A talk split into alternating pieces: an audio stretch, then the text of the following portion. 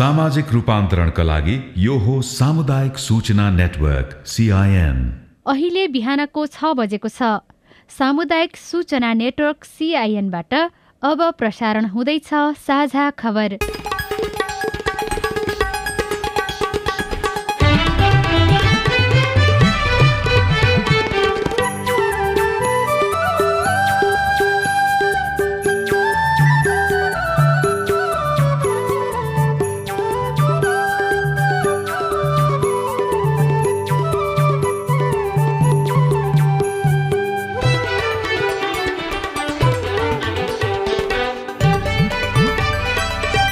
शुभ प्रभात यो सिआइएनको साझा खबर हो। अविनाश आचार्यसँगै राजन रुचालको तपाईँलाई स्वागत छ। सामुदायिक रेडियोबाट देशैभरि एकैसाथ प्रसारण भइरहेको साझा खबर सिआइएन खबर डट कम र मोबाइल एप सिआइएनबाट पनि सुन्न सकिन्छ। आज दुई हजार उनासी साल कार्तिक तेह्र गते आइतबार अक्टोबर तिस तारिक सन् दुई हजार बाइस नेपाल सम्मत एघार सय त्रिचालिस कार्तिक शुक्ल पक्षको पञ्चमी उपरान्त षष्ठी तिथि आज छठ पर्व। साझा खबरमा प्रमुख खबरका शीर्षकहरू। पाँच वर्षमा बाह्र लाख पचास हजार नयाँ रोजगारी सृजना गर्ने सङ्कल्पसहित काङ्ग्रेसको घोषणापत्र सार्वजनिक। तीन वर्ष मुनि र त्रिहत्तर वर्ष माथिका नागरिकले निशुल्क उपचारको व्यवस्था गर्ने उल्लेख। निर्वाचन सामग्री ढुवानीमा निर्वाचन आयोग व्यस्त। दार्चुला घटनामा भारतीय पक्षले माफी माग्यो। काँकडभिट्टा इनरुवा रेलमार्ग प्रभावितको पीडा। अढाई वर्षदेखि जग्गा रोकियो मुआब्जाको टुङ्गो छैन। आज छठ पर्व तराई मधेसमा रौनक पहाडी समुदायमा पनि छठ मनाउने चलन बढ्दै तीन साताभित्र तीस हजार टन युरिया मल आउँदै सेनिटरी प्याडको मूल्य घटेन। दक्षिण कोरियाको राजधानी सियोलमा भएको एउटा झडपमा परि एक सय उनपचास जनाको मृत्यु छिहत्तर जना घाइते। ब्ल्याक सी बन्दरगाहबाट युक्रेनलाई खाद्यान्न निर्यात गर्न दिने अन्तर्राष्ट्रिय सम्झौताबाट आफू अलगिएको रुसको घोषणा। र प्रधानमन्त्री कप क्रिकेट प्रतियोगिता आजदेखि हुँदै विश्वकप क्रिकेटमा आज बङ्गलादेश र जिम्बावे पाकिस्तान र नेदरल्यान्ड तथा भारत र दक्षिण अफ्रिका बीच खेल हुने।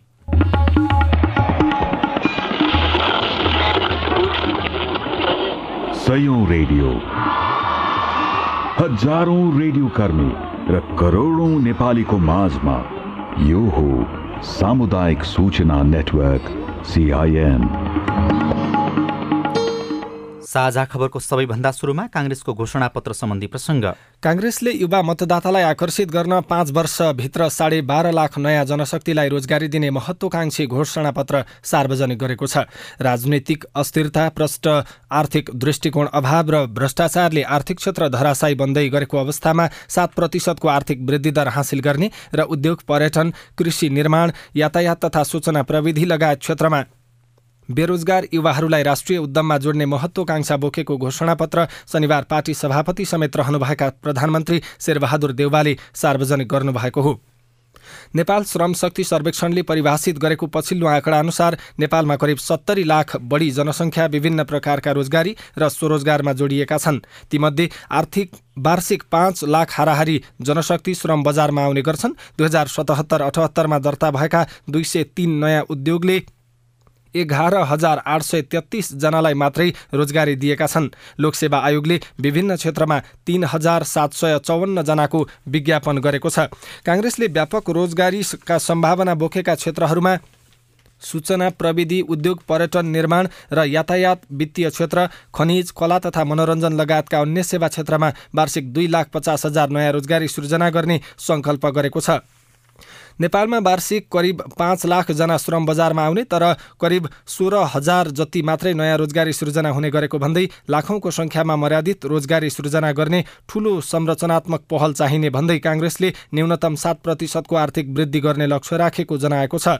सङ्कल्प पत्र सार्वजनिक कार्यक्रममा महामन्त्री विश्वप्रकाश शर्माले भन्नुभयो पुँजीगत बजेटसम्म खर्च हुन नसकेर हामीलाई जहिले पनि पिर पिरलो परिरहेको कुरालाई अन्त्य गर्नका लागि थप कानुनी बन्दोबस्तसँगै निर्माणका कार्यहरू अगाडि बढाउन सूर्य अस्त नेपाल मस्त भएर साँझ परेपछि नेपाल सुत्ने होइन। नेपाल साँझ परेपछि पनि निर्माणको जगतमा काम गर्छ अब। भन्ने कुराको लागि नेपाली काङ्ग्रेसको नेतृत्वको सरकारले आठ घन्टा आठ घन्टा आठ घन्टा गरेर तिन खण्डमा ठुला पूर्वाधारको निर्माणहरूको सन्दर्भमा संलग्न हुने हामीले सङ्कल्प लिएका छौँ घोषणा गरेका छौँ र वार्षिक दुई लाख पचास हजार रोजगारी सिर्जनामा त्यसले पनि योगदान गर्छ र पाँच वर्षमा बाह्र लाखभन्दा बढी हामी रोजगारी सिर्जना गरेर जान्छौँ भन्ने हामीले सङ्कल्प गरेका छौँ। यस्तै पाँच वर्षभित्र सबै नागरिकको स्वास्थ्य बिमा र बिमा मार्फत गम्भीर प्रकृतिका रोगको उपचार गरिने बिमा रकमको दायरा बढाई दस लाख पुर्याइने तीन वर्ष मुनि र त्रिहत्तर वर्ष माथिका नागरिकलाई निशुल्क उपचारको व्यवस्था गरिने उल्लेख गरिएको छ।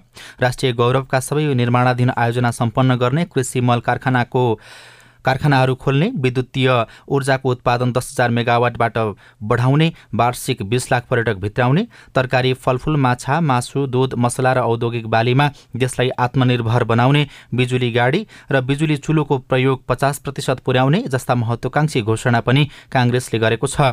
घोषणापत्र लेखन समितिका सदस्य स्वर्णिम वाग्ले यसपल्टको संकल्प पत्र लेखनको काम थप मिहिन ढङ्गले गरेको बताउनु भएको छ। पटक पटक अवसर पाउँदा पनि काम गर्न नसकेको नेतृत्वले नै आगामी पाँच वर्ष शासन सत्ताको बागडोर सम्हाल्ने सम्भावना बढिरहेका बेला काङ्ग्रेसको घोषणापत्र कार्यान्वयनमा भने शङ्का उब्जिएको विश्लेषकहरूले बताएका छन्। तत्कालीन प्रधानमन्त्री गिरिजाप्रसाद कोइरालाका राजनीतिक सल्लाहकार रहेर काम गरिसक्नुभएका प्राध्यापक कृष्ण खनाल दुई हजार अडचालिस यता काङ्ग्रेसका सबै घोषणापत्रप्रति नेतृत्वको चासो र जानकारी समेत नहुने बताउनुहुन्छ। काङ्ग्रेसका घोषणापत्रमा नेतृत्वको खासै संलग्नता हुँदैन उहाँको भनाइ छ। दुई हजार चौहत्तर सालमा घोषणापत्र लेखनको नेतृत्व महेश आचार्यले गर्नुभएको थियो। यसपटक महामन्त्री विश्वप्रकाश शर्माको नेतृत्वमा स्वर्णिम वाग्ले गोविन्दराज पोखरेल गेजा शर्मा वाग्ले सहितको टोली आबद्ध थियो। एमाले र माओवादीको घोषणापत्र निर्माणमा नेतृत्व नेतृत्व आफै संलग्न हुने गरे पनि काङ्ग्रेसमा त्यस्तो अभ्यास नरहेको भन्दै प्राध्यापक खनालले अरूले लेखिदिएको घोषणापत्रलाई नेतृत्वले कार्यान्वयनमा लैजाने अभ्यास नरहेको बताउनुभयो। घोषणापत्र लेखनमा संलग्न रहेका राष्ट्रिय योजना आयोगका पूर्व उपाध्यक्ष समेत रहनुभएका वागले अन्य दलले जस्तो हावादारी र कार्यान्वयन गर्न नसकिने संकल्प काङ्ग्रेसले नगरेको दावी गर्नुहुन्छ। संरचनागत सुधार असल शासन र नेतृत्व दह्रो भएमा अहिले जारी भएको संकल्पहरू कार्यान्वयनमा लैजान सकिने उहाँ बताउनुहुन्छ। उहाँका अनुसार काङ्ग्रेसले रोजगारी सृजनामा महत्वाकांक्षी योजना अघि सारेको छ। लाखौँ युवाको नैराश्यता चिर्नको लागि रोजगारीको क्षेत्रलाई प्राथमिकता दिइएको भन्दै आयो वाग्ले एक्काइसवटा उद्योगले दुईदेखि साढे दुई लाखसम्म रोजगारी सृजना गर्न सक्ने आँकडा सारिएको बताउनुभयो। संघीय र प्रदेशसभा सदस्य निर्वाचन एकैपटक हुँदा प्रदेशका एजेन्डा र उम्मेद्वार ओझेलमा परेका छन्। आगामी मङ्सिर चारमा प्रतिनिधि सभा सदस्य र सातवटै प्रदेशका सदस्यका लागि एकै दिन हुन लागेको निर्वाचनमा सबै राजनैतिक दल प्रतिनिधि सभाकै उम्मेद्वार र एजेन्डामा केन्द्रित देखिन्छन्। यसरी दलहरूले चुनावी अभियानदेखि नै प्रदेशसभाका एजेन्डालाई ओझेलमा पार्दै आएको देखिन्छ। दलहरूले चुनावी प्रचार सामग्री बनाउँदादेखि नै प्रतिनिधि सभाका उम्मेद्वारमा केन्द्रित गर्दै प्रदेशसभा सदस्य उम्मेद्वारलाई उपेक्षा गरेको देखिन्छ। हरेक दलले निर्वाचन सामग्री बनाउँदा प्रतिनिधि सभा सदस्य उम्मेद्वारलाई हाइलाइट गरेको र प्रदेशसभा उम्मेद्वारलाई सहयोगी जस्तो भूमिकामा खुम्च्याएको देखिन्छ। दलका प्रदेशसभा उम्मेद्वार स्वयंले बनाउने प्रचार सामग्री समेत त्यस्तै छन्। यस हिसाबले स्वयं प्रदेशसभा उम्मेद्वारहरू आफैले आफ्नो भूमिका खुम्च्याइरहेको देखिन्छ। हरेक जसो पोस्टरमा प्रतिनिधि सभा सदस्य उम्मेद्वारको तस्बिर ठुलो र प्रदेशसभा उम्मेद्वारको तस्बिर सानो रूपमा प्रस्तुत गरिनुले पनि त्यस्तै सङ्केत गर्छ। त्यसो त प्रदेशको भूमिकामा पटक पटक आवाज उठिरहेका बेला प्रदेशसभा निर्वाचन र यसको एजेन्डाका विषयमा चर्चा नहुनुले लोकतन्त्र र सङ्घीय शासन प्रणाली कमजोर हुने जानकारहरूको भनाइ छ। अझ प्रदेश खारेज गर्नुपर्ने सम्मका आवाज उठिरहेका बेला प्रदेशसभा निर्वाचन र यसका एजेन्डा छल ओझेलमा पर्नु संघीयताका लागि राम्रो सङ्केत होइन। त्यसैले पनि प्रदेशसभा निर्वाचन र यसका बहुआयामिक पक्षमाथि चर्चा परिचर्चा र छलफल हुन सकेको अवस्थामा मात्रै संघीयता कार्यान्वयनमा सहज हुनुका साथै यो प्रणाली संस्थागत समेत हुने सरकारवालाहरूको भनाइ छ। आगामी मङ्सिर चार गते हुने प्रतिनिधि सभा र प्रदेशसभा सदस्य निर्वाचन अन्तर्गत पहिलो हुने निर्वाचित हुने प्रणालीका लागि दुई करोड छत्तिस लाख अस्सी हजार पाँच सय मतपत्र छपाई भएको छ। एक करोड अठार लाख प्रतिनिधि सभातर्फ र प्रदेशसभातर्फ एक करोड सत्र लाख बयासी हजार मतपत्र छपाई भएको निर्वाचन आयोगले जनाएको छ। आयोगका अनुसार छपाई भएका मतपत्रमध्ये कार्तिक तेह्र गते सुदूरपश्चिम प्रदेशका कैलाली कञ्चनपुर अछाम डोटी डडेलधुरा बझाङ बैतडी र दार्चुलामा प्रत्यक्षतर्फको मतपत्र ढुवानी हुनेछ। प्रतिनिधि सभाका लागि एक सय पैँसठी र प्रदेशसभाका लागि तीन सय तीस निर्वाचन क्षेत्र छन्। निर्वाचनका लागि एक करोड उनासी लाख अठासी हजार पाँच सय सत्तरी मतदाता कायम रहेका छन्। आयोगले निर्वाचन सामग्रीको ढुवानी कार्यलाई तीव्रता दिएको छ। हालसम्म समानुपातिक तर्फको प्रतिनिधि सभा तथा प्रदेश सभाका मतपत्र आठवटा जिल्ला बाहेक सम्पूर्ण जिल्लामा ढुवानी भइसकेको छ भने केही दुर्गम जिल्लामा बाटोघाटो अवरोध भएका कारण मतपत्र ढुवानीको काम बाँकी रहेको आयोगले जनाएको छ। प्रत्यक्षतर्फका निर्वाचन ढुवानीको क्रम पनि सुरु भएको र पूर्व निर्धारित तालिका अनुसार नै जिल्लाहरूमा मतपत्र पुग्ने प्रवक्ता शालिग्राम शर्मा पौडेलले जानकारी दिनुभयो। दूर दरारका जिल्लाहरूमा सामग्री पुर्याउने र त्यहाँ पुगेपछि जिल्ला निर्वाचन कार्यालयले फेरि त्यो सामानहरूलाई सर्टिङ गरेर अनबन्डलिङ बन्डलिङ गरेर निर्वाचन अधिकृतलाई बुझाउने र निर्वाचन अधिकृतलाई मतदान अधिकृतलाई बुझाएर कतिपय सात दिन आठ दिनसम्म पैदल हिँड्नुपर्ने मतदान केन्द्रहरू मतदान स्थलहरू पनि छन्। त्यस्ता ठाउँमा मतदान अधिकृतले पुर्याउनु पर्ने भएको हुनाले अब हामीसँग अत्यन्तै टाइट समय छ। हाम्रो सेड्युल अनुसार पूर्व निर्धारित कार्यतालिका अनुसार हामीले ढुवानीको कार्य सुरु गरिसकेका छौँ। आयोगले हिजोदेखि विभिन्न सन्ताउन्न प्रकारका निर्वाचन सामग्रीहरू मतपेटिका छेका बारा स्वस्तिक छाप लगायतको ढुवानी सुरु गरेको छ। तराई मधेसमा मात्रै मनाइँदै आएको छठ अचेल पहाडसम्मै मनाउन थालिएको छ। मधेस इतर समुदायले पनि छठ मनाउनुलाई धार्मिक सांस्कृतिक सहिष्णुताका रूपमा लिनुहुन्छ। समाजशास्त्री उप प्राध्यापक विज्ञान शर्मा उहाँका अनुसार डेढ दशक अघिसम्म तराईको मात्रै यो पर्व अब त्यहाँको मात्रै रहेन। गैर हिन्दूले पनि मनाउनुलाई पर संस्कृति ग्रहणको रूपमा लिनुपर्ने उहाँको भनाइ छ। छठी मैया र पहाडी हिन्दूले मनाउने षष्ठीका देवी एउटै भएको सह प्राध्यापक डाक्टर राजेन्द्र शर्मा पोखरेलको भनाइ छ। छठी मैया र षष्ठीका देवी दुवै हिन्दू पर्व हिन्दू धर्म संस्कृतिकै आधारित भएकाले छठ समान संस्कृतिका रूपमा विस्तार भएको उहाँले बताउनुभयो। उप प्राध्यापक शर्मा छठ पहाडतिर उक्नुलाई सांस्कृतिक पुनर्जागरण तथा गैर हिन्दू आदिवासी जनजातिले पनि मनाउनुलाई सांस्कृतिक अन्तर्घुलनको रूपमा मान्नुहुन्छ। यो पर्व पहाडी र मधेसी भन्ने विभेदलाई मेटाएर सांस्कृतिक सद्भावको सन्देश दिएको छ उहाँले भन्नुभएको छ। धरानका सह प्राध्यापक राजेश यादव छठलाई पहाडी समुदायले पनि मनाउनुलाई विद्यमान जातीय सद्भाव र धार्मिक सहिष्णुताको राम्रो नमुनाको रूपमा पनि मान्नुहुन्छ। उपवासको अघिल्लो दिन हिजो खरना गरिएको छ भने जनकपुरमा मात्रै पन्ध्र करोडको फलफुल बिक्री भएको छ। भिख मागेर पनि कतिपयले छठ पूजा गर्ने गरेको खबर कान्तिपुर दैनिकले लेखेको छ।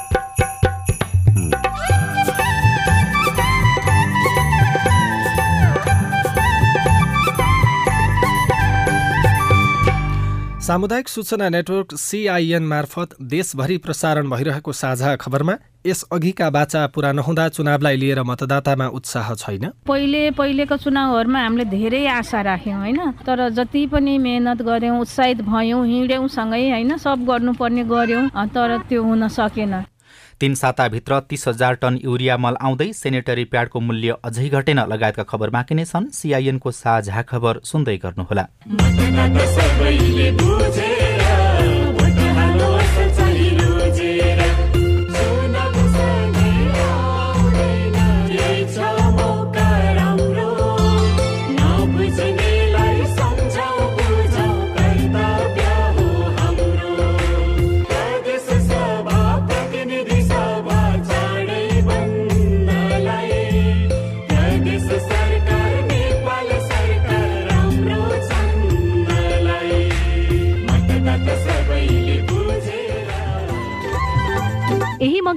गते हुने। प्रतिनिधि सभा सदस्य र प्रदेश सभा सदस्य निर्वाचनमा सहभागी भई आफ्नो अधिकारको सही प्रयोग गरौँ। निर्वाचन आयोग।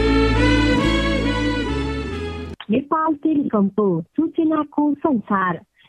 होइन के सुनेको यस्तो ध्यान दिएर दोहोरो बोलेको जस्तो नि देख्दिन। तिन दुई एक शून्य शून्य क्या? तिन दुई एक शून्य शून्य? के हो त्यो भने? बुझिन त। ल सुन एनटिसी प्रयोगकर्ताहरूले आफ्नो मोबाइल तथा ल्यान्डलाइनमा तिन दुई एक शून्य शून्य डायल गरी समाचार रेडियो कार्यक्रम खेल र अन्य विषयबारे सन्देशहरू जुनसुकै बेला निशुल्क सुन्न सक्छन्। ओहो निशुल्क? कस्तो सजिलो। समाचार सुन्न छुट्यो भनेर पिर लागेको थियो। अब त म पनि सुनिहाल्छु। कति रे? तिन दुई एक शून्य शून्य। सामाजिक रूपान्तरणका लागि यो हो सामुदायिक सूचना नेटवर्क सिआइएन तपाईँले देशभरिका सामुदायिक radio C I N Khabar dot com र मोबाइल एप सिआइएनबाट एकैसाथ साझा खबर सुन्दै हुनुहुन्छ। मोबाइल एप नेपाली पात्रोबाट पनि सिआइएनको साझा खबर सुनिरहनु भएको छ। अब आज काठमाडौँबाट प्रकाशित पत्र पत्रिकाका खबर। कान्तिपुर दैनिकमा सेनेटरी प्याडको मूल्य नघटेको समाचार छ। सीमा तामाङले यो समाचार लेख्नु भएको छ। अर्थमन्त्री जनार्दन शर्माले चालु आर्थिक वर्षको बजेट मार्फत तयारी सेनेटरी प्याडको भन्सार महसुलमा नब्बे प्रतिशत छुट दिनुभयो। सरकारले दिएको छुटपछि अहिले एक दशमलव पाँच प्रतिशत भन्सार महसुल तिरेर यस्ता प्याड भित्रिएका छन्। तर आयातित प्याडको मूल्य भने घट्नुको साटो बढेको बढै छ विभिन्न ब्रान्डका विस्पर स्टेफ्री र सोफी नेपालमा धेरै बिक्री हुने सेनिटरी प्याड हुन्। नाइन कम्फी केयर फ्री लगायतका ब्रान्डका सेनिटरी प्याड पनि नेपालमा पाइन्छन्। यीमध्ये सेफीको मात्रै मूल्य घटेको छ। खुद्रा पसलमा भने अझै यसको मूल्य घटेको छैन। चालु आर्थिक वर्ष सुरु भएपछि हरेक ब्रान्डका प्याडमा पाँच रुपियाँ मूल्य बढेर आएको थोक विक्रेताहरू बताउँछन्। सोफी ब्रान्डको मात्रै मूल्य घटेको काठमाडौँको क्षेत्रपाटीको बिवेल सप्लायर्सका प्रकाश व्यञ्जनकारको भनाइ छ। होलसेल पसलमा पाँच रुपियाँसम्म बढे पनि खुद्रा बजारमा पाँचदेखि बाह्र रुपियाँसम्म मूल्य बढेको सर्वसाधारणको गुनासो छ।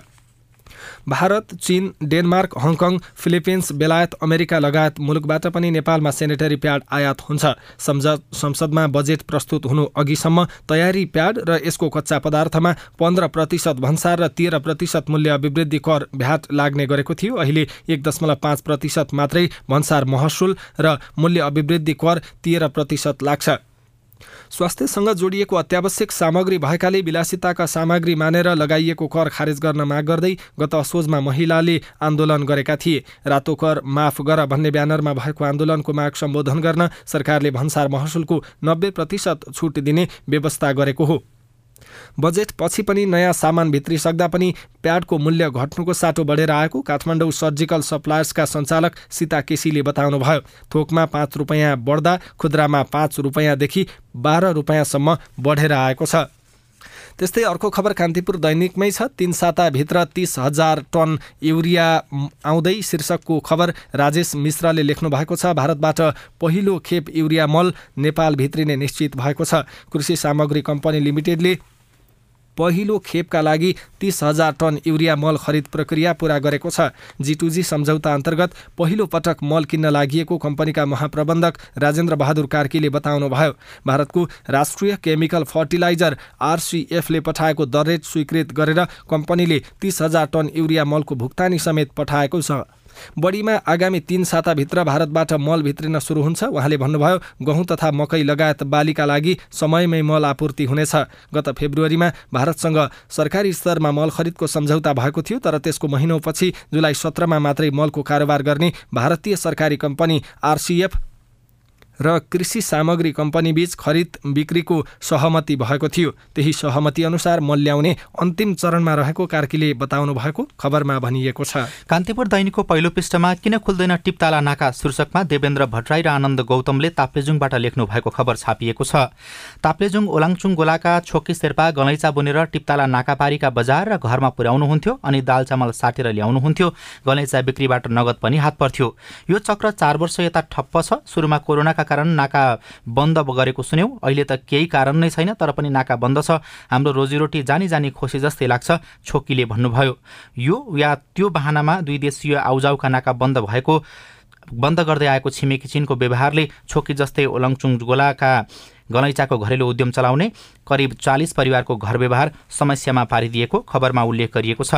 त्यस्तै कान्तिपुर दैनिकको पहिलो पृष्ठमै बालकको मृत्युमा भारतीय पक्षले माफी मागेको खबर छापिएको छ। यो खबर दार्चुलाको हो। मनोज बडुले दार्चुलाबाट र मातृका दाहालले काठमाडौँबाट लेख्नु भएको छ। महाकाली नदी पारी ताबाघाट लिपुलेक सडक चौडा गर्ने क्रममा बम विस्फोट गराउँदा उछिटिएको ढुङ्गा लागेर दार्चुलाको ब्यास गाउँपालिका दुई दुम्लिङका नौ वर्षका बालक पवन महराको मृत्यु भएको घटनामा भारतीय पक्षले माफी मागेको छ। भारतीय सडक निर्माण कम्पनी गर्ग एन्ड गर्गले घटनामा गल्ती स्वीकार गर्दै मृत्युको परि मृतकको परिवारलाई दस लाख रुपियाँ भारत भारू पनि उपलब्ध गराउने बताएको छ। धारचुला लिपुले कैलाश मान सरोवर सडक खण्ड अन्तर्गत नज्याङ लखनपुर भिरमा भारतीय पक्षले बम विस्फोट गराउँदा शुक्रबार बिहान महराको घटनास्थलमै मृत्यु भएको थियो। र नयाँ पत्रिका दैनिकको अर्थ पत्रिका पृष्ठमा अढाई वर्षदेखि जग्गा रोकिएको खबर छापिएको छ। यो काँकडभिटा इनरुवा रेलमार्ग प्रभावितको पीडाको प्रसङ्ग हो। पूर्व पश्चिम रेलमार्गको काँकडभिट्टा इनौरुवा खण्डमा रेल विभागले जग्गा अधिग्रहण गर्न नागरिकको घर जग्गा रोका गरेको अढाई वर्ष भइसकेको छ तर मुआवजा पाउने अझै टुङ्गो छैन। एक सय छ किलोमिटर लामो यो खण्डमा करिब सात सय साठी बिघा निजी जग्गा अधिग्रहण गर्नुपर्ने रेल विभागले जनाएको छ तर दुई हजार बिघाभन्दा धेरै नागरिकको निजी जग्गा रोका भएको खबर नयाँ पत्रिका दैनिकमा उल्लेख गरिएको छ। साझा खबरमा अब हेलो सिआइएन सजना तिमल सिन्हाबाट। नमस्कार म म रामबा साथी भिडिङ नरपले वार्ड नम्बर एक सुर्खेत कालेटोलबाट मैले महाराजा शङ्कर नामको धानको बिउ रोपेको थिएँ तर त्यो धानले बाल्न नै वा निकाल्न सकेन। त्यो बिउ नेपाल सरकारबाट सूचित हो। यसको क्षतिपूर्तिको लागि कहाँ सम्पर्क गर्नुपर्ला? तपाईँको प्रश्न सुनेपछि बिउबिजन गुणस्तर नियन्त्रण केन्द्रका वरिष्ठ बाली विकास अधिकृत डाक्टर प्रकाश आचार्य भन्नुहुन्छ। यदि ती जातहरू शिखर क्षेत्रभन्दा बाहिर लगाएका छन् भने लगाउनेको पनि अलिकति विचार गर्नु किसानले पनि विचार गर्नुपर्ने कुरा हो। यदि उहाँले सिफार क्षेत्रभित्र लगाउनु भएको छ लगाउँदाखेरि पनि बिउ स्रो आधिकारिक स्रोतबाट खरिद गर्नुभएको छ र धानमा पाला लागेन भने उहाँहरूले अब कृषि ज्ञान केन्द्र अथवा स्थानीय तह मार्फत कृषि ज्ञान केन्द्रमा गुनासो गर्नु पर्यो उजुरी दिनु पर्यो। त्यसपछि कृषि ज्ञान केन्द्रले बिजन गुणस्तर नियन्त्रण केन्द्रमा त्यो डकुमेन्ट फरवार्ड गर्छ र उहाँहरूलाई यदि उहाँले सिफ सूचित जात लगाउनु भएको छ सिफारी क्षेत्रमा लगाउनु भएको छ र बिउको कारणले गर्दाखेरि उहाँहरूको क्षति क्षति भएको अवस्था हो भने विक्रेता छ बिउ विक्रेता उसबाट क्षतिपूर्ति भराउने व्यवस्था बिउ बिजन दुई हजार पैँतालिसमा स्पष्टसँग भएको हुँदा उहाँहरूलाई म त्यही प्रक्रिया अवलम्बन गर्न अनुरोध गर्छु। मेरो नाम विष्णु सिंह बोहरा ठेगाना शैल्यशिखर नगरपालिका वडा नम्बर चार काँडापारी दार्चुला। कार्तिक तेह्र गते लटुनाथ मन्दिरमा जात्रा लाग्दैछ। यस अवसरमा यो ओडाभित्र शान्ति सुरक्षा कायम गर्नुपर्ने हुन्छ। तर ओडाभित्र रक्सी बेचबिखन जस्ता गैर कानुनी क्रियाकलापहरू बढी भएको देखिन्छ। यसको व्यवस्थापनका लागि र शान्ति सुरक्षा कायम गर्नका लागि ओडाले के के कदम चाल्दैछ? जवाफ दिँदै हुनुहुन्छ दार्चुलाको शैलीशिखर नगरपालिका वडा नम्बर चारका अध्यक्ष रामसिंह ठगुन्ना। पहिले नै म निर्वाचित भइसकेपछि मैले पहिलो निर्णय नै गरिसकेको छु। वडामा जुवा तास र रक्सी बेचबिखन बन्द गरिनुपर्छ भनेर। यसमा सम्पूर्ण रानीशेखरवासीहरूले साथ दिनुपर्छ र हामी सुरक्षाको हकमा इलाका प्रशासन कार्यालय गोकुलेश्वरबाट सुरक्षा मगाइदिन्छौँ। तिनीहरूको व्यवस्था र सुव्यवस्था गर्न मैले गर्नुपर्ने काममा म पनि गर्न चाहन्छु र अन्य तपाईँ जस्ता युवाहरूले सम्पूर्णले त्यसमा सहयोग गर्नुहुनेछ भन्ने मैले आशा पनि गरेको छु। नमस्कार मेरो नाम राजन साथ म कालीकोट जिल्ला शान्तिरोड गाउँपालिकाबाट बोलेको। हाम्रो यो एसी ब्याक रिजल्ट कहिलेसम्म आइपुग्छ होला? एसइईको पूरक परीक्षाको नतिजा सार्वजनिक भइसकेको छ। तपाईँले W W W dot SEE dot GOV dot एनपीमा हेर्न सक्नुहुनेछ। तपाईँ जुनसुकै बेला हाम्रो टेलिफोन नम्बर शून्य एक बाहन्न साठी छ चार छमा फोन गरेर आफ्नो प्रश्न विचार गुनासो अनि समस्या रेकर्ड गर्न सक्नुहुनेछ। साझा खबरमा अब विदेशका खबर। दक्षिण कोरियाको राजधानी सियोलमा भएको एउटा झडपमा परि एक सय उन्चासजनाको मृत्यु भएको छ। रातिको समयमा हलोविन मनाउने मनाउन जम्मा भएको भिडमा झडप हुँदा छयत्तरजना घाइते भएका छन्। दक्षिण कोरियाका राष्ट्रपति युनसुक योलले घटनामा दुःख व्यक्त गर्दै घाइतेको उपचारका लागि कार्यदल गठन गर्न निर्देशन दिनुभएको छ। रुसले आफ्नो ब्ल्याक सी बन्दरगाहबाट युक्रेनलाई खाद्यान्न निर्यात गर्न दिने अन्तर्राष्ट्रिय सम्झौताबाट आफू अलगिएको घोषणा गरेको छ। क्रिमियाको सेबास्टोपोलको पोलमा रहेको सामुद्रिक बन्दरगाहमा युक्रेनले ड्रोन आक्रमण गरेको आरोप लगाउँदै रुसले यस्तो प्रतिक्रिया जनाएको हो तर युक्रेनले भने रुसको आरोप स्वीकार गरेको छैन। साझा खबरमा अब खेल खबर प्रधानमन्त्री कप एक दिवसीय पुरुष राष्ट्रिय क्रिकेट प्रतियोगिता आजदेखि सुरु हुँदैछ। आज कृतिपुरमा सशस्त्र प्रहरीको एपिएफ क्लब र त्रिभुवन आर्मी क्लब बिहान साढे नौ बजे खेल्दैछन्। यस्तै बिहान साढे नौ बजे नै नेपाल पुलिस क्लब र बागमती प्रदेश मुलपानी मैदानमा खेल्नेछन्। किर्तिपुर र मुलपानी क्रिकेट मैदानमा आउँदो छब्बिस गतेसम्म हुने प्रतियोगितामा सात प्रदेश र तीन विभागीय गरी दस टोली सहभागी हुनेछन्। अस्ट्रेलियामा जारी टी ट्वेन्टी विश्वकप क्रिकेट अन्तर्गत आज तीनवटा खेल हुँदैछन्। पहिलो खेल नेपाली समयअनुसार बिहान पाउने नौ बजे बङ्गलादेश र जिम्बावे बीच हुनेछ। त्यस्तै दोस्रो खेलमा दिउँसो पाउने एक बजे पाकिस्तान र नेदरल्यान्ड प्रतिस्पर्धा गर्नेछन् अनि तेस्रो खेल भारत र दक्षिण अफ्रिका बीच बेलुका पाउने पाँच बजे हुनेछ। हिजो खेलमा न्युजिल्यान्डले श्रीलङ्कालाई पैँसठी रनले हराएको थियो। एक सय अडसट्ठी रनको लक्ष्य पाएको श्रीलङ्का उन्नाइस ओभर दुई बलमा एक सय दुई रनमा अल आउट भएको थियो। पुरानै अनुहार चुनावी मैदानमा मतदातामा छैन उत्साह। रेडियो रिपोर्ट अरू खबर र कार्टुन पनि बाँकी नै छ। सिआइएनको साझा खबर सुन्दै गर्नुहोला। नेपाल युरोपियन युनियन चलचित्र महोत्सवको एघारौं संस्करण यही कार्तिक एघार गतेदेखि बाइस गतेसम्म हुन गइरहेको छ। महोत्सवमा तेह्रवटा उत्कृष्ट युरोपेली चलचित्रहरू र तीनवटा नेपाली चलचित्र प्रदर्शित हुँदैछन्। यी चलचित्रहरू काठमाडौँको चाबहिल स्थित चलचित्र विकास बोर्डको हलमा निशुल्क रूपमा प्रदर्शित गरिनेछ। महोत्सव सुर्खेतमा कार्तिक उन्नाइस गतेदेखि बाइस गतेसम्म आयोजना हुनेछ। महोत्सवमा पाँच उत्कृष्ट युरोपेली र तीन नेपाली चलचित्रहरू प्रदर्शित गरिनेछ। हुनेछन् महोत्सव सुर्खेतको मध्यपश्चिम विश्वविद्यालयको हलमा निशुल्क रूपमा प्रदर्शित गरिनेछ। चलचित्र महोत्सव भरि नै भर्चुअल प्लेटफर्म फेस्टिभल स्कोपमा पनि चलचित्रहरू निशुल्क रूपमा हेर्न सक्नुहुनेछ। साथै महोत्सव अन्तर्गत चलचित्र सम्बन्धी विभिन्न रोचक अन्तर्क्रियात्मक कार्यक्रमहरू पनि भर्चुअल माध्यम मार्फत आयोजना गरिनेछन्। तपाईँहरू सम्पूर्ण यस चलचित्र महोत्सवमा सहभागी भएर यसलाई सफल पारिदिनु हुन हार्दिक अनुरोध गर्दछौ। थप जानकारीका लागि नेपाल स्थित युरोपियन युनियनको डेलिगेसनको वेबसाइट तथा यसको Facebook page W dot Facebook dot com slash EU in नेपालमा हेर्नुहोला। आयोजक नेपाल स्थित युरोपियन युनियनको डेलिगेसन। सामाजिक रूपान्तरणका लागि यो हो सामुदायिक सूचना नेटवर्क सिआइएन साझा खबरमा अब चुनाव र मतदाताको कुरा। अहिले विभिन्न टोल बस्तीमा होस् या चोक चौतारीमा नागरिकको छलफल र चर्चाको विषय बनेको छ मङ्सिर चारको चुनाव। यति बेला उम्मेद्वारहरू मतदाता फकाउन घरदैलोमा पुग्न थालिसकेका छन् तर उनीहरूसँग ठोस योजना छैन। अर्कोतर्फ मतदाता पनि चुनावलाई लिएर खासै उत्साही देखिएका छैनन्। नेपालगञ्ज एक धम्बोजी निवासी गीता गौतम पौडेलले बत्तीस वर्षदेखि डुबानको समस्या झेल्दै आउनु भएको छ। हरेक निर्वाचनमा भोट माग्न आएका उम्मेद्वारसँग उहाँको एउटै माग हुन्छ डुबान समस्या समाधान होस्। तर आश्वासन दिए पनि निर्वाचन जितेपछि कुनै पनि जनप्रतिनिधिले उहाँको माग पूरा गरेनन्। यही व्यवहारका कारण आगामी निर्वाचनको उत्साह नभएको उहाँ बताउनुहुन्छ। यसपालिको चुनावमा कुनै पनि उत्साह जाँगर रहर नै छैन। किनभने भर्खरै गएको चुनावमा हामीले यहाँ भोट माग्न आउने उम्मेद्वारहरूलाई मैले नै भनेको थिएँ। वर्ष मेरो बिहा भएको अहिले कति बत्तिस वर्ष भयो होला। सधैँ म डुबानमा परेछु सधैँ म हैरान भएको छु हुन्छ हामी काम गर्छौँ हामीलाई जिताएर मात्रै हेर्नुहोस् न भनेर भन्नुभएको थियो। जितायौँ पनि खै समस्या जस्ताको तस्तै छ? उहाँ जस्तै अधिकांश मतदाताहरू यसपटकको निर्वाचनमा खासै उत्साह नरहेको बताउँछन्। नेपालगञ्ज एकका अर्का स्थानीय ललिता शर्मा। अब चुनाव भनेपछि त उत्साहित एकदम हुनुपर्ने है।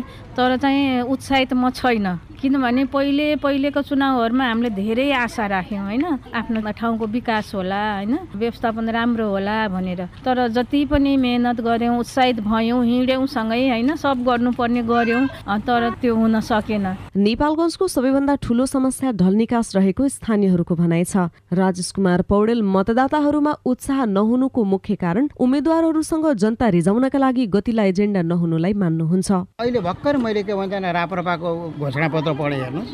आफूले गरेको काम मात्रै भन्छ भोलि मैले के गर्ने? हाम्रो भोलिको पञ्चवर्षीय योजना के हो त?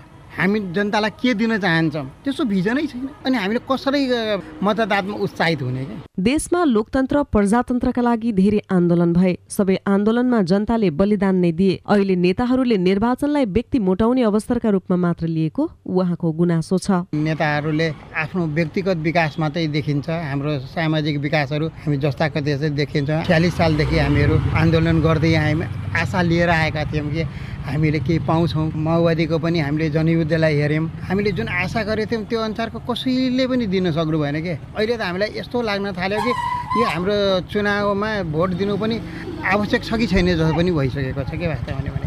के को लागि हामीले भोट दिने त? निर्वाचनको बेला अत्याधिक खर्च गर्ने प्रवृत्ति बढ्दै गएको छ। यसका कारण निर्वाचन भइसकेपछि घोषणापत्र कार्यान्वयन भन्दा निर्वाचन खर्च उठाउनेतर्फ ध्यान केन्द्रित गर्ने प्रवृत्ति पनि बढ्दै गएको महेन्द्र बहुमुखी क्याम्पस राजनीतिक शास्त्र विभागका प्रमुख उप प्राध्यापक रुद्र तिमिल सेना बताउनुहुन्छ। उनीहरूले कति खर्च गरेका थिए निर्वाचन त खर्च गर्ने असुलीतिर मात्र लागेका हुन्छन् अहिले पनि करोडौँ करोडको खर्चमा चाहिँ उम्मेदवारी भएर निर्वाचित भइसकेपछि भोलिको लागि चाहिँ अब त्यो खर्च असुल गरेर अर्को चुनावलाई खर्च व्यवस्थापन गर्नुपर्ने हुन्छ।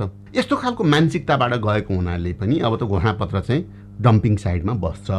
किन घोडापत्रमा त जनता र देशको निम्ति काम गर्नुपर्ने हुन्छ। त्यहाँ त आफ्नो खर्च गरेर आइएको छ र आफ्नो खर्च असुल गर्नुपर्ने हुन्छ र भोलिको लागि खर्च व्यवस्थापन गर्नुपर्ने हुन्छ। यस्तो प्रवृत्तिका कारण पछिल्लो समय मतदाताहरूले नो भोटको अधिकार हुनुपर्ने माग गरिरहेका छन्। तर अहिलेको समयमा निर्वाचनमा मताधिकार प्रयोग गरी खराब मध्येबाट कम खराब व्यक्ति छान्नुको अर्को विकल्प नभएको राजनीतिक जानकारहरू बताउँछन्। Nishu Joshi CIN Krishnasar FM Nepalgunj. रिपोर्टसँगै हामी साझा खबरको अन्त्यमा आइपुगेका छौँ। सामुदायिक रेडियो प्रसारक सङ्घद्वारा सञ्चालित सिआइएनको बिहान छ बजेको साझा खबर सक्नु अघि मुख्य मुख्य खबर फेरि एकपटक। पाँच वर्षमा बाह्र लाख पचास हजार नयाँ रोजगारी सृजना गर्ने सङ्कल्पसहित काङ्ग्रेसको घोषणापत्र सार्वजनिक। तीन वर्ष मुनि र त्रिहत्तर वर्ष माथिका नागरिकलाई निशुल्क उपचारको व्यवस्था गर्ने उल्लेख निर्वाचन सामग्रीको ढुवानीमा आयोग व्यस्त। दार्चुला घटनामा भारतीय पक्षले माफी माग्यो। काँकडभिट्ट इनरुवा रेलमार्ग प्रभावितको पीडा अढाई वर्षदेखि जग्गा रोकियो। मुआब्जाको टुङ्गो छैन। आज छठ पर्व तराई मधेसमा रौनक। पहाडी समुदायमा पनि छठ मनाउने चलन बढ्दै तीन साताभित्र तीस हजार टन युरिया मल आउँदै सेनेटरी प्याडको मूल्य घटेन। दक्षिण कोरियाको राजधानी सियोलमा भएको एउटा झडपमा परि एक सय उन्चासजनाको मृत्यु छयत्तरजना घाइते। र प्रधानमन्त्री कप क्रिकेट प्रतियोगिता आजदेखि सुरु हुँदै विश्वकप क्रिकेटमा आज बङ्गलादेश र जिम्बावे पाकिस्तान र नेदरल्यान्ड तथा भारत र दक्षिण अफ्रिका बीच खेल हुने। साझा खबरको अन्त्यमा कार्टुन लिएका छौँ नयाँ पत्रिका दैनिकबाट रवि मिश्रले बनाउनु भएको कर्नर किक शीर्षकको कार्टुन रहेको छ। यहाँ सीमा पारी बाट आएको ढुङ्गा लागेर बालकको मृत्यु भएको खबरलाई देखाइएको छ। खास गरी यो विषयमा सरकार बोलेको छैन। भारतीय पक्षले निर्माण कम्पनीले बरु क्षतिपूर्ति दिने भनेर भनिसक्यो माफी पनि मागिसक्यो। नेपाल सरकार भने चुइक्क पनि बोल्दैन। यहाँ प्रधानमन्त्री जस्ता देखिने व्यक्ति केही कुरा बोल्नलाई मिडियामा आएका छन् र माथि चाहिँ यस्तो लेखिएको छ। ए बाबा पहिला उछिटिएर आउने ढुङ्गो बोलोस् न। अनि हामी बोलाउँला के? हस्त प्राविधिक साथी सुभाष पन्तलाई धन्यवाद। अहिलेलाई राजन रुचाल र अविनाश आचार्य विदा भयौँ। तपाईँको आजको दिन शुभ होस्। नमस्कार। यसपछि देशभरिका सामुदायिक रेडियोबाट कार्यक्रम संवाद प्रसारण हुनेछ। सुन्ने प्रयास गर्नुहोला।